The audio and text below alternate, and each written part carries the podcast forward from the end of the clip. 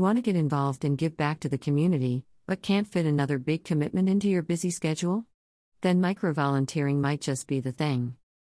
Microvolunteering is a small, bite sized task or project that is quick and easy to perform. Best of all, there's a range of things you could do online, in as little as 30 minutes.